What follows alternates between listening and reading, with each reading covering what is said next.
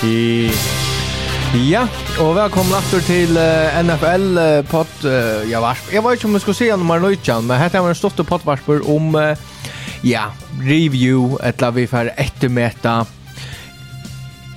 ja, postseason, som vi er det. Og vi tar av forskjellig MVP-prat, og vi gissa og byrjan av kappengaren, og så er det spen spenning å ha sett om okra okkon har vi rakt av. Men ja, Velkommen til, og vi lever bare bort og tøyta. Eller hva sier du, Axel? Vi har några awards og tås så med på. Ja. Så börjar jeg bara lägga till ut, uh, Axel. Bjør du ikke välkommen? Ja, hej Peter. Hallå. oh, ja, men det som jag skulle faktiskt säga att jag vet att det hette inte live va? och att jag har lagt ut av Spotify en gång Jokon. Till det att Peter är det, han tekniker. Jag må, jag må presera honom, så är det Axel, ser från grunn. Och utsätten till det som du finns av höjde Axel. Nøye Aknar, og så er det. Pirrasp. Pirrasp. Men vi färra prata om kappinga och är som för kanske och nämna värst eh, tacka kanske också kunde vi tacka forskjelligt fram så vi halt och kast och störst flopp bevär det inte. Men jag halt vi börjar vi MVP-praten om. Eller vad? Det halt vi kunde göra och MVP prata är för en lite sinter, Astro framme löp jag kappingaren, kan vi säga. Men det är så i Raskauer i vår torspelare som som som är och faktiskt och i och i eh som man säger eh, ja alla är nästan så tack står. Och i kapprendingen om att bli MVP. Jag tycker inte nej nu tycker vi det finns inte vi har Iron Kappinger så har vi sagt nästa spelare. Vi har alla just kurset pick. Vi har nämnt upp kvar. Jag valde Josh Allen. Agnar valde Patrick Mahomes. Peter, du valgte Aaron Rodgers. Yes. Per Asbjørn valgte Justin Herbert, og Arnar valgte Josh Allen. Valgte Justin Herbert? Ja. Oh my god. Ah, kom, det var mitt ikke valgte Aaron Rodgers. Ja, nei, jeg er ikke... Men uh, Justin Herbert, det er bare du er helt ganske at uh, jeg tror jo på at tar for jeg har gått år som tar ikke jeg har haft. Ja. Yeah. Det er ikke. Ikke lagt alltid jeg gita, men jeg mer verda morgen dreamer enn jeg kan. Tror ikke jeg fyrir MVP, det blir nok størst. Men uh, hvor blir det så MVP? Jeg halte ikke det er større even langer. Om du tar 18 viker i ferne. Gås ikke mye nerver. Det er en med som alla den är över gör. Alltså ja. man kan ta som i början av Arnon så var ja, Josh Allen var nog främst lugg här i början där så har Jalen Hurts jävla nek var noen lier. Uh, så hände det nok han blev skatter, och så är det ja. Fan är det bort. Det hade alltid, alltså hvis du misser ja. mer än en tverdestri, så, så vill du nevan. kjolt, eller det samt MVP. Joe Burrow, Frank Tossom, Justin Jefferson har tagit Champ Kaffengar, men det är mer som alla tiden så stabilt. John Kaffengar er oppe, til Patrick Mahomes. Ja li rekordene for flest total yards i NFL uh, for en, en uh, quarterback. Ja. Og hever nummer ett sitt i AFC og bästa record i NFL. Yes. Så da borde vi Patrick Mahomes som vann. Og det här är som motpick og jeg hever øyelig raskere hvis det ikke var han som, som tog det. Ja, jeg prøver samt. Jeg er samt, det er jo samt, altså, jeg er at jeg kan kjøyse noen fra Akna er samt. Ja, alltså det är de spelare som är mest stabila. Eh, som Axel Hensen är nu och han han han slår en han tog med nu lägga kod den nästa person som John Droughton att han tog eh halvt över med från 13 för Breeze för Breeze eh för mest 12 yards eh vi var kapingar eh 5000 och sånt där. Så så nej han har väl lägga och man ska minnas det han måste som bästa värsta där för det här kan vi. Vi har Susanna och hennes hade kunnat välja dem där aldrig och och det tycker jag är bara gott och halv kvar väl till jag som ser om mamma backen så så jag alltid kört om just därför som jag kan styra sådana case around än eh det är som här ser var vi oss framåt ja. Men eh och jag själv de kanske inte just att det är bara över och gå och så att jag vill ha en spats väldigt fin men samma vakt är det bara passion homes Ja, Så vi där då, det är MVP-pratet blev vi så grodde AH-värst till... Det är så dåliga samt. Ja, men han måste bara bara vara till bättre eller testa bilar igen är. Ja, det är så där simpelt. Ja, jeg vil, jeg vil ha Joe Burrow som nummer 2. Visst han där Og sånn, du är chairman NFL så at, at Jeva Flyer at covers, altså man har fem att covers så läs så som att vet för fem halvt först för det där. Man har haft en att cover. Ja. Patrick Mahomes borde rota bort. Sen ska jag gå checka över nummer 2 så så så inte ordentligt när jag ser. Kan jag inte se. Nej. Kan så över. Kvar var Heisman nummer 2 i trofé i 2000. Ungevoid. Ah, kvar Heisman of year. Nej, jag var jag minns nog för MVP för Jimnar sen. Nej. Men ja, alltså till alltså han har mest passing yards, flest passing, alltså 5200 rush passing yards. Eisen Batan. Anna, jag hade ändå en annan Marin som har flere 5000 yard passing uh, seasons i NFL. Så blir så sjön det kan fem med också svagt del. Och en fjärde passing touchdowns. Så jeg halte til at han har haft øyelig godt kappinger. Patrick Mahomes og jeg halte han var den bästa quarterback i NFL siden han tog över i Chiefs. Og nu snur det, nu väntar jag vi så och i måter postseason till honom Harry han eisen har bare haft godast. Mm Marla men alltså. Ja. Och han han är bara en sån alltså det är en generational talent och som vi kommer chat på så han är han är nog kanske den mest talentfulla vid närgrande jag säger så på Sean. Spörs med och Det var som cementerar vi sa annan MVP. Han kunde ha rätt för att ha haft två tre att närmast. Alltså det är sist jag när här är Roger så luckan ut hit där. Nej, jag ganska jo jo, det har alltid gått man kan se hur men men ja, Ja, det er ikke noe å diskutere. Nei, så vi får gjøre. Ikke rett at det var omsatt. Coach of the year. Jeg, jeg har sagt en øyn som du burde, man burde blekke på den her listan. Ja, hver hei til helt den skal vunne, ja? Nei, det er ikke vunne. Jeg har sagt bare en som man skal så... Uh, Honorable mention. Ja. Yeah. Sean Payton. Nei, det Jag faktiskt uh, hej Black Pete Carroll och på andra listan chat. Jag kan gå se jag listan som ständer där coach of the year till Dan Campbell Lions, Nick uh, Sirianni, Sirianni til Eagles, Brian Dabble til Giants, Kyle Shannon til 49ers och Andy Reid Chiefs. Jeg hej Black Pete Carroll och på här. Bara det är alltid att jag faktiskt är faktiskt flocklara. Och man kunde ju också för diskutera eh och annan som är lösen långt ut i periferin men men eh, ja. En ekko kandidater ja. är helt säkert. Ja, så här är näkrar som som eh vi ska gå Jack var så alltså eller varsna till men failen så tar Jerry faktiskt för jävligt tar halta att Ja, Washington är ju. Nej, nej, vi kör vunnit så nästa statist och inte ja, det här var ja, det är för jail final som det gör men men här faktiskt flyger som och så är det kaffe kategori tar man sig ut från. Det akkurat det. Det är en akkurat mat man kan huxa kvart är en coach of the year. Är det en som presterar i förväntning eller är det en som presterar väl? Alltså kan det göra gott liv och faktiskt bara presterar. Men mot på det är Kalchanan. uh, tja för Niners som coach of the year. Men när Nick Vergoer, alltså jag vill skriva Doug Peterson och Brian Dable New York Och är snö Nexeriani men i halt han han har ju ju vinnat att jag tar slått alltså vann allt det som du gör. Då så stis. Han var annars eh, favoriter ja. och länkat till Nexeriani. Ja. Ser att jag Eagles by var totalt flickvante. Eh men jag luften för nästan drur jag men han har stadig det største argument att mm. Eagles har varit dominerat NFC det er stadigvæk att inte överraska. Jeg har rett att Doug Peterson er et öle godt på. Pete Carroll, fun fact om han, nej det för for mycket vi kommer det vet det är Arne den NFL Kappingar blir i prediction om kanske vänner vid helt för bli quarterfist och da är skräp Pete Carroll. Ja. Men det var ju spelat här att han möter Kevin O'Connell til Vikings som coach of the year. det var han nog ikke. Jeg halte Kyle Shanahan er et øyelig godt på. Og i forhold til altså, at han, han har sett sitt offense så vel opp, at Brock Purdy kan komme inn og levere så vel. Det er et fenomenalt coaching job. Och han får Brock Purdy till att leverera så väl. Ja, och till till er vägna alltså systemet jag kan känna han som som ger det.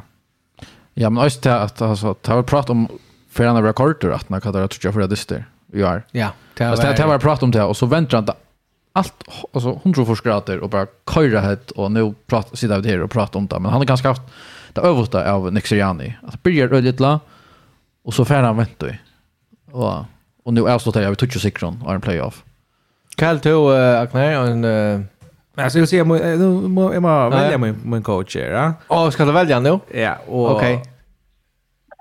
Tan Mavren som har gjort det bästa arbetet. Jag är till en som är förstaårscoach som är övertygad att Lee som har varit i Jubar Kreppe och i Nekvar ett li som inte har haft en sälja stora vån fram efter. Ett li här man kanske hejer en quarterback som man inte väntar i för att överleva hetta Kappengrar och man kanske också han skulle vara vidare uppbildja lige hevur bara bara ett år Finns ju till lige atter i toppen här stolt av era och till vidare till sitt flänna till att ja alltså jag hade Brian Dayball är coach of the year.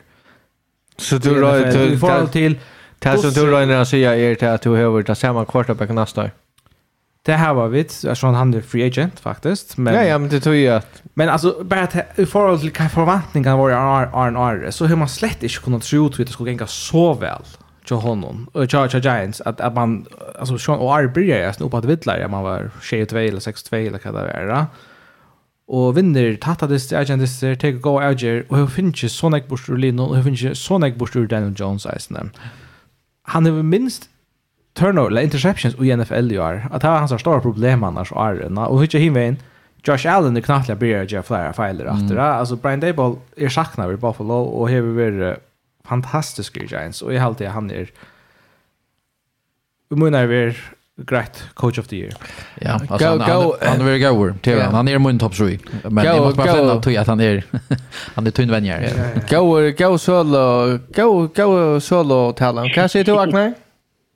ja, jag har alltid börjat som att gå argument till Giants Surrey att leda just som som inte ser ut som har över när han playoffs och, och Brandon Potter finns finns liga dessa bitar att kunna komma där och uh, han är så högt på min lista alltså jag har gärna inte välja en toppen där att har det jättela mycket som som jag har mycket argument jag aldrig ska känna man kommer i och diskussionerna och, och så hinner bara gärna se och kan och så gärna syndrom tror jag. Uh, Men så alltid att uh, jag kan ska Tog Peterson kan skriva alltså han känner som om det så jävla jag visste uh, men uh, han det vet Jack Washley på den kan man alltså det berg det så nummer för första kappingar och uh, och så sandar snett på den där i kappingar tar det här lite så jag vill så att man menar som som då på den i playoff som jag kan se sig där sen där är det Georgia National vi vi går så han är kanske han som är i pojka uh, uppfattar första så jag så sjukt men hade aldrig jag ska välja av alla andra så jag sen helt oss mest till uh, här som Axel är och så Jean det så kan man uh, alltså mot förvaltningar så är det så kan man inte kan pojka uh, på toppen i en AFC men alltså de som det är i arbete som man börjar kontinuerligt så det så så kanske han eh kunde sen komma i diskussionerna och så att mention till Ben Campbell och Elias som hade kanske att honom Ja, den är någon absolut. som inte kom, kom playoffs samma vi när det kommer som gör det bäst. Eh, så, men det skulle vara allt så, så kanske Peterson och, och så är det på att att att att att det Jag hade sen jag finns så lite man crush av Dan Campbell. Eh så jag där blir jag i hard knocks eh jag menar som ikke er kvalifiseret for til å være head coach i NFL. Jeg synes Utpans er det som er. Men han har jo så, han er virkelig bare arbeidet seg opp. han kom jo øyne. Fyrbrann spiller i NFL. Ja. Men så virker som han, han har byggt akkurat opp i Detroit, så det er så spennende til ikke neste år, altså. Det är pura svagt där sen tar men, 28 och alltså var det alltså så tatt bakom playoffs. Hade vi playoffs så har jag nog Eisen sagt Dan Campbell. Men åt han hade varit här du fast faktisk hardt nok gjør til at du fast om forskarlaga fyrir som man spelar eller fyrir lige. Jeg har hukt det hardt nok ødlarne. Og alt det jeg har hukt det man sitter og hikker, så kan man, åh, man har hever lukka som, åh, stortla Lions klarer seg vel. Så jeg tog, jeg var ikke gassar enn, du fast en relasjon til spelaren eller du var, så helt det er bare cool. Ja, men det er ofta, altså hardt nok for ofta valgt ut fra tøymon minne gau og lige noen. Ja. Du du är rätt stort ta ta klara så väl allt just. Till oss till spelarna. Åtta så tar jag tar ta och till Los Angeles. Ja. Ja, ja, ja. Till en outlier. Alltså han den Campbell där sen så han han han tog kraft i rum med mig där just shit så. Och och har sett en annan alltså liksom så Paul hopplös ut där och och han man han har nästan här som det som om det ändå kommer spela och så bara att se FC som han tackar för spelarna och man tycker på attention. Och han har sin aura nu så. Så och så hans mission and the on chat så det är ju det så eh Pete Carroll som som jag finner så det om man ju se så kände jag ofta han han alltid är snö just det är faktiskt bara att jag Axel över vid centern han försöker få man det han hade ju sett på det frank och är också för har vi sannolikt. Men uh, jag vill att det var, det var bästa på quarterback som jag inte väljer. Så. så faktiskt det som vi säger är att jag och to, alltså Aknar och Peter, vi säger att Kyle Shannon är Orsens vänjare. Men jag säger Petersson. Ja, du säger Peter. Orsaka. Ja. Jag och Peter säger att Kyle Shannon, det är alltid han är klara. Faktiskt i förvattning till som han är kan göra. Borde övriga. Och Axel säger Brian Dayball. Brian Dayball. Ja, och Hickman efter eh Otso så så är det verkligen start. Alltså Nick Sirianni är en pickle till favoritter. Kanske en av Bensonera och Brian Dayball. Alltså att ta lika på rätt. Nej, det vi vet vi vet inte hur vi. Ja, jag ska göra där rätt och att Brian Dayball har faktiskt i förväntning finns ju Giants lite över gott. Mm. Och det är faktiskt bara positivt. Det tar man ju alla det er inte til att det var så vanlig, men Men så får vi till en eh defensive player of the year. Og så er spurningen Det er eh, skriva fyra nöner til er Mia, Mika Parsons, Nick Bosa, South Gardner og Chris Jones. Jeg vet ikke hva vi skal begynne vi. Agnar, kom bara börja. Lämna det bara för listan. Mika Parsons, Nick Bosa, Sol Skarsner och Chris Jones. Ja, alltså att det är det eller särskilt det är inte exakt vad gör man alltså den cornerback är det eh är det en och rushar är det alltså för det mesta intack kan man säga. Så här ganska, Nick Bosa kan man säga mot landslagskull och att han spelar på bästa vägen i alla fall. Eh, lite ganska i halsen alltså. Särskilt så snabbt det Chris Jones över, över extremt, extremt över Chiefs och och så ska det nog alltid vara defensive rookie of the year. Det kan alltid göra annars vad man vill börja. Michael Parsons, eh, jag hade inte honom, vi hade han spelat över det och fyra halvliga tappningar men Men det som kanske kan vara så igen och jag har lust om man har sökt sådana parspackningar när jag fan av det inte och ta visst när det tar mig så så är hela pojkar ni på eh som sånt eh som att det Ja, Nick Bosa har uh, flest sacks i NFL, 8,5. Han er parster av de beste verden i NFL. Da halde jeg som, her er synden jeg sier for meg at man representerar det alliet som har de beste verden. Eh, Micah Parsons var nok uh, frontrunner på ett eller annet tidspunkt. Uh, ganska tullig i Kappinger någon, skulle man sagt, men Men ja, han faller ju sin borster. det. Alltså han har jo bare haft en två halvt andra sex och också eller hva det er. Mm. Ehm um, och är är nog sex att han för Nick Bosa. Ehm är vi ska säga alltså en spelare som Chris Jones just där men är halt det att att för mig är det nog så uh, trygt att Nick Bosa take time Och i allt han är resten den bästa den bästa världsspelaren som är i NFL faktiskt. Ja. Jag vet nu, kanske teach Watt ett argument mot Ronan Strand, annars ska det alltid, men då som urhöver är det bästa, men Nick Bosa är suveräner. Alltså han är absolut det bästa nu, ur alla linjerna. Nästan. Jag är bra samtidigt, jag är skruva, Nick Bosa han är det. Som mitt pick till Defensive Player of the Year. Ja. Så det var også dårlig samt. Og han uh, tråkar til han som leik aknar på hittelnar, så vet ikke, sier navn, ja. Det kunne själv funnet det. Men uh, du, du har ikke skriva off offensive uh, pl player of the year. Men det kan gå og prata om. Vi kan gå och prata om det. Jag säger Jefferson. Ja, same. Jefferson, han oppbør då. Ja, det er när det som man ger till spelare som har haft ett record breaking year och det är själva man gör i själva den samma som man gör MVP till det är en sån snedig award ja, ja. det är ganska Eh men men ju Justin Jefferson är nog det bästa argumentet. Tyreek Hill hej kunna välja han ah, manglar alltså ta två förut så får han så här uh, cappingar jag syns skillet nog kanske inte nyra men är det inte Justin Jefferson. Ja. Ja, han, han är så han är väl så uh, så outgender för Leeds alltså just nu. Så helt helt extrem. Vikings är inte för det samma liv såna. Samdrag när ja, för samt det har alltid nämnt. Och tror jag man kan skåra sen när kunna kan argumentera honom för MVP men men där kan man väl se att Neymar som har omskapat så men men jag har alltid jag har alltid köpt att när vi med just Jefferson ska ska få där och att akkurat Tarkel som som också när han är där alltså spalt alltså och det är ju förväntning Miami att han är så dominerande i perioden här men men men men han så att vi gjort här i öga ström och bra och där kan man ju undersöka men jag känner som 14 så så är det han är fullständigt ja inte så säkert alltså så Och så tackar vi ett två. Eh, vi har alltid vi tacka alltså då så står offensive rookie of the year och defensive rookie of the year och är väljer bara på den vägen och säger att Pusha Grundjava, Gerd Wilson och så Skartner punktum för mig. Tänk om det skulle nog indiskutabelt eh på nu så går som han han han kunde vara diskussion till defense player of the year som man som man ville till.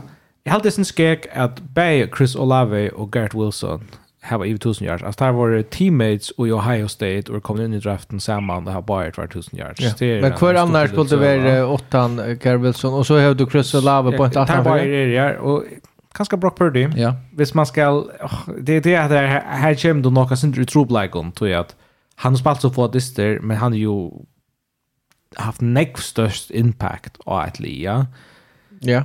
Men spurningen är om kan du kan han spela sex dyster alltså kan man rätt göra det här lite det vet inte ordentligt alltså men jag vill gärna bli teacher men vis men tar man tar man haft såna alltså större avskanalin så alltid gott man kan gå och prata om det och kanske ösna det stämmer alltså du kan nämna Ja. Jag nämnde lösen så så men jag hade ju förhåll till det här Jevon han han hejer så så helt det är inte lös man hvis man gör det där eh så ATG Gert Wilson Eisen tror jag alltid han har varit den bästa offensiva spelaren för Jets i år konsekvent. Ja, jag jag skriva eh uh, att Gert Wilson är där men alltså alltså jag ösnä. Kvar version nummer 2.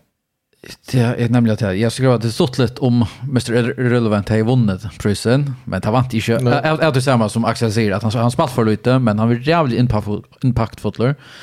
Fyra kan vi så Devon Pierce eller en chat här. Ja, nämligen att det skulle jag vara så. Jag skulle nämligen säga att vissa nu Packers är klara playoff.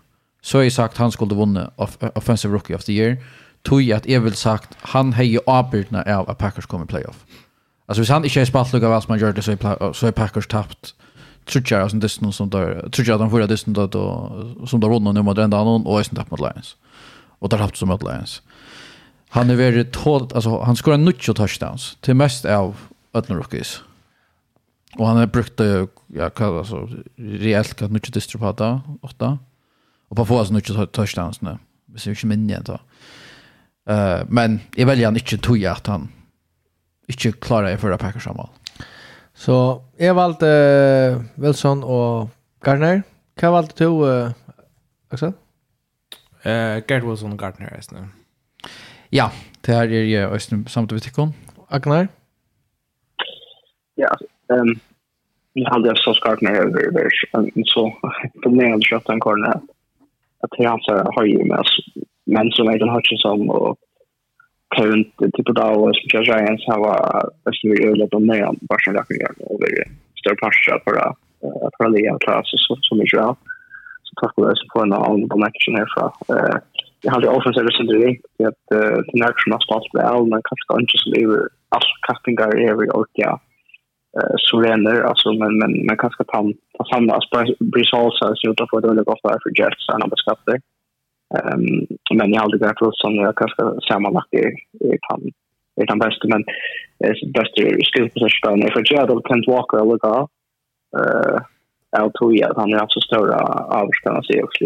Och det är kanske inte så ofta att running backs, och running backs kommer in och har så stora avskanna som han är. Så jag tror att Garrett Wilson kanske sammanlagt är värre. Det är just så för att uh, Jared och Kent Walker. Precis. Okej. Okay. Det var det sa jag inte komma. Men jag tror att John är så ren men alltså han har varit att even live me average och han är ju tusen yards och han är så viktig och och i allt spel mot jag så ser jag också och det är snägt först från Gino Smith så ja.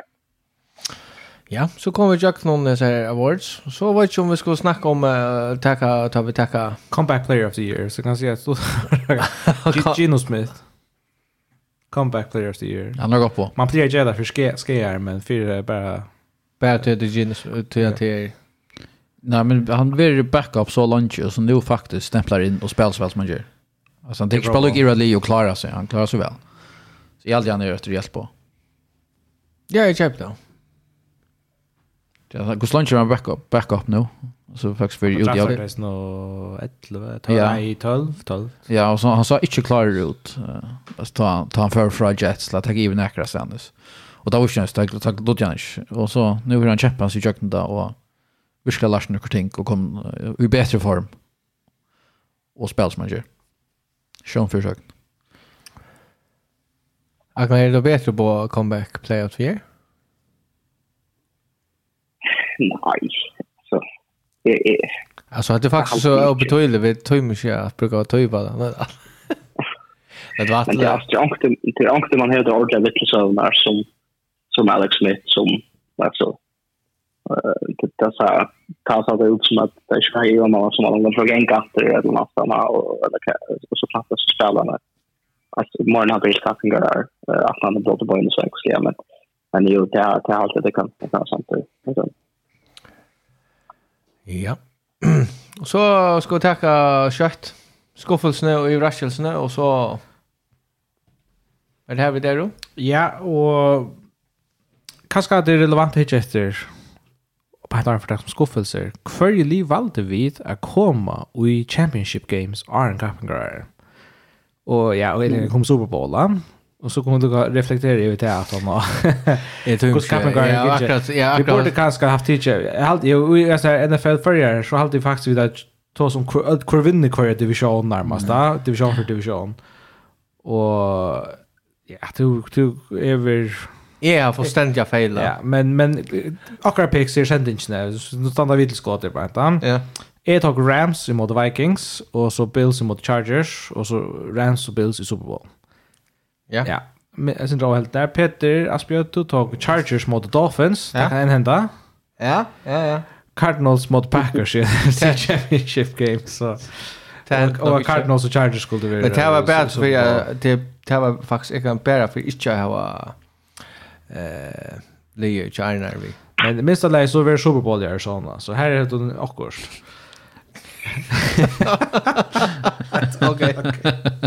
Peter tog uh, Packers og imod Rams i NFC Championship game, Carson Playoffs, og Chargers Bills i AFC Championship game her, så skulle det være Packers mot Bills i Super Bowl.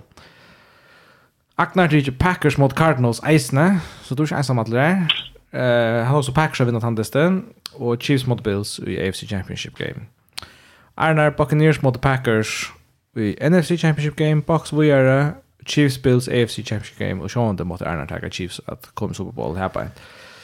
Så kan skulle säga här är det också en gratt det på. Rams har skuffakon, Packers har skuffakon, Cardinals har skuffakon. Är det det är att för ut för Hesson. Ja, men jag måste säga. Så spår hur kurs skuffakon mest eller Ja. Om det är något annat liv som skulle få på att Majra eller kväll. Ja, vi har ju Coles och Denver. Uh, om min lista. Klaus skuffa. Mm. Uh, Det var men annars pura samtor Alltså till till hin hin linje ner röst ner. Jag ska ta en spelare så vill ju säga Russell Wilson hever ordla. Så fan med. Eh sa inte komma att att han skulle vara så vanlig gör. Det är inte så spänt jag skulle vara så vanlig. Ska det säga skuffa med? Kan det skuffa mig allar mest och irritera mig allar mest och jag hittar så när jag ska reflektera. Det är att NFC South skuffa mig. Punktum. Ja, det är ju inte Det er det. Det er ødel arbeid, ødel fyra. jeg mener seriøst, NFC South skuffande vanlig. Jeg har fætlet denne divisjonen vanlig. Så ikke tømt jeg vinner, men altså, det er vi der. Ja, ja, ja, men generelt, eh, hon blir ikke å så vanlig NFC South, da. Hon är ikke veldig, Och då så Falcons har alltid vært så rätt. Eh Det är NFC East som som som är där för skotten där såklart. Men ja, det är för mycket vi kan det här. Så jag kan inte snacka om spelare. Russell Wilson är en som som man har varit där i Neckville. Eller Moira är. Los Angeles Los Vegas Raiders hade jag snö att det rättliga skofandli och ja utan förstand mm. alltså och vi vant av Neckville domon och där Carr kan är alla helst av ut. Ja, här vänta. Man inte han utan för. Jag vill då säga Rams er topperen av skuffelse. Yeah. Altså, etter da tar enda så kampinger 5 og 12, og det er nekft av annerledeste et, et forsværende Superbowl de hever i NFL. Og kampinger, ja, som man sier, ja, Stafford var 20 mot enda, og nå her er vi nek skier. Altså, det kom aldri en gang kampinger, og det er ikke skier som er skilten ut, altså, det er ganske skilt ut at man ikke går på med seg fem sikrande der. Men eh, fra början av närmast och ut efter så har det inte så pent ut Chatimon och, och det har var öligt skuffa och man kan säga att han har öliga glädje för det finns Super Bowl för men spurningen är kvad potential egentligen är i Rams nu vad gör det? Det här är ju det här är ju draft picks där har några pengar bundet upp och en stödspelare de tar stå av Henki ja att en stödspelare skulle leverera och där skulle leverera kvarja vecka ja. Så det är ganska en succé på Stuttgart eh det är en uppskrift på Stuttgart succé men kan längdbar heten är ju snär Kjær Rams. Det er just det størlige i hvordan så vel tar seg for fremtiden. Akkurat jeg tror nok at jeg alltid skuffet sånn. Er du skuffet over Dolphins? Nei, altså, det kobler jeg så høyst for Og ja, tjejer, så det här kan man inte orka å skuffe, ja. Sånn som jag hade att sätta en par kaffe när vi gjorde det det och hjälpte på en gammal där. Men det är klart Rams som har alltså tar tar vinna Super Bowl och så så är det så inte som det är så man sa på långt sista listan eh alltså listan av Buffalo eh första natten där så blir det spalt på ett par meter och faxa att han kan det se ut som som tar det som tar så i sig ut för och eh är han så att det var det bästa i NFL fall för eh men vi har haft över mot Lering alltså.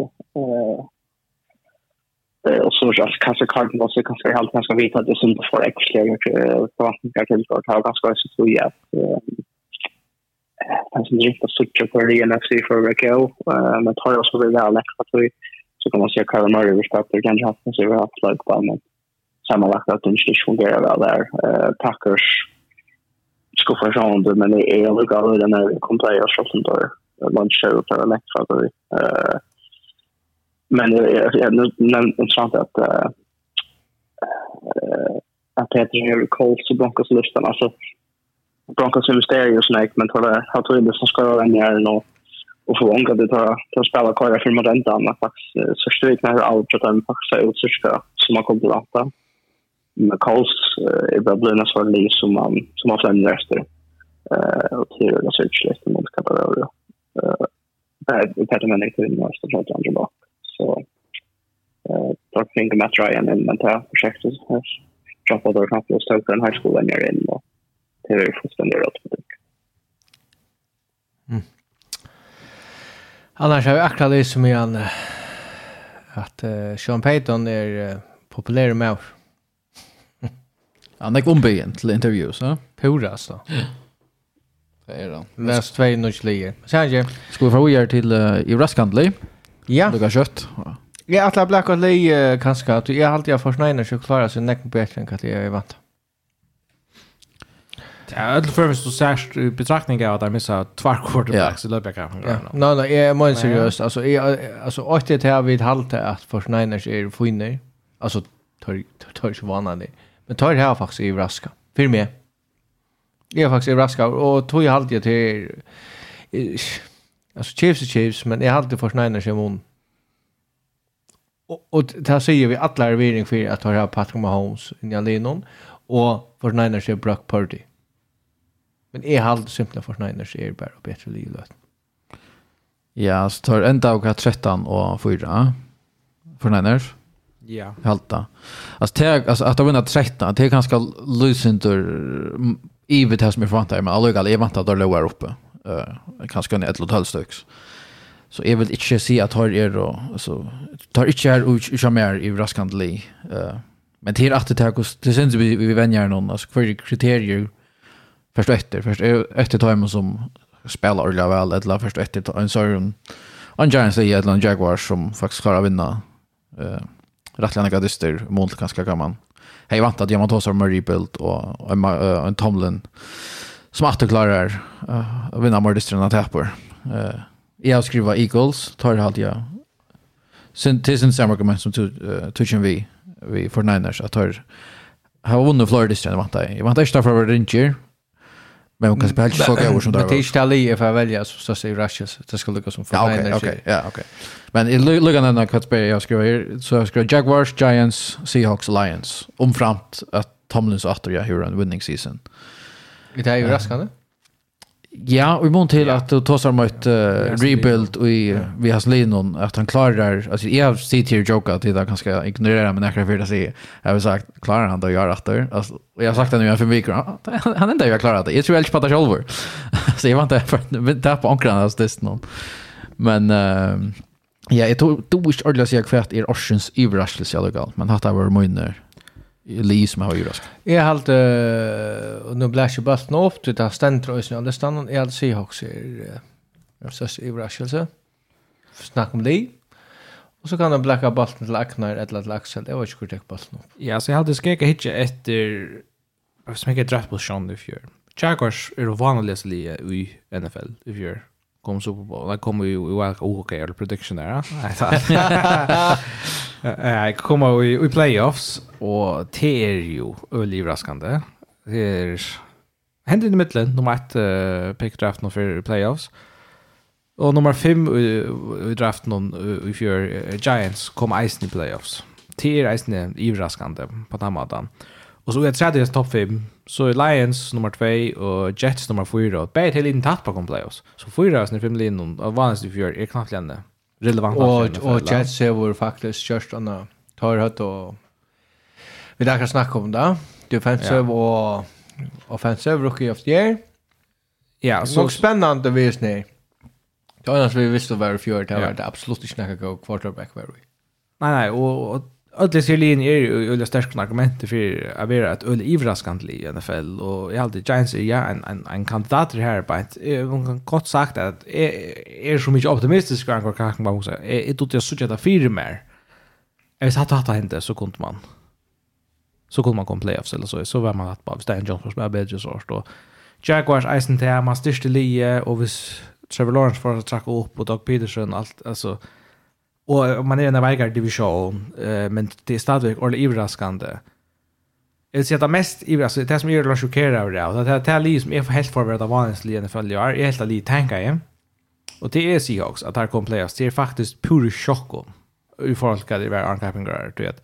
är helt här att det trader Russell Wilson väck, och inte välja få en ordentlig quarterback in. Det är sagt då, att man, man faktiskt alla blir Kappinger vid eh så True Lock. True Lock och kanske Gino Smith där. Det är öle öle överraskande att här är i playoffs. Och jag har Harsh Lions som en tattat vara visst där kommer i playoffs. Det gör det så inte men det är snöle överraskande för mig att här så går. Agnar. Är så Nå, no. miste han chansen. Han miste ja. chansen. Hei, hei, hei, hei, hei, ja. Klarar inte akkurat. Jo, eh nej kom inte. Men jag också alltså jag är ju förskillan mer att han kan tänka sig switcha Giants och se också vi har nästa playoffs från en ja, mega overly. Eh och säga se också vi kommer se att han omstrukturerar inte gång på shot om första veckan det går så i världen. Ehm Jackson och Jaguars har vunnit sen du show men också var det var riktigt skönt på på den det var inte så hett jag antar så man heter det så för ehm så ja så det är riktigt hade jag AFC AFC playoff picture är ska det som kunde låta eh stilla sig klart så bättre än man kunde låta nästan. Och och att han leder i NFC som har fått plats best match kommer in till Lions så att det är mest i vad i ni måste kan vara på Men, men jag hade ju ösnat att se också kan man se är det är hacksad och stam och Och så är det kanske att Ivar ska göra att, att ställa in och sånt så så Sergejko som ska med Western Vikings och och Magnus Halsen är ganska säkert som det här. Att det kommer play oss för i 20 men, men ja, så men det vill säga se också det kanske det allra mest Ivars kan bli. Så faktiskt är vi nästan allt samtidigt. Vi är faktiskt samtidigt, är det inte? Störst är Rashias uh, positiv Rashias alltså eller mest, ja. Det må jag säga också. I ja, jag har så inte ordentligt skriva en som man säger en nummer 8 kommer men tar er vi allstan. Okej. Okay, ja. Men jo jo alltså ja. Det kommer gå till Lavia en nummer 8. Vi får ju starta själva. Men eh uh, har tagit det. Ja, och så tackar vi till uh, nästa. Tackar vi till you. Ja, Wildcard. Takk kjemur, vi nästa potte.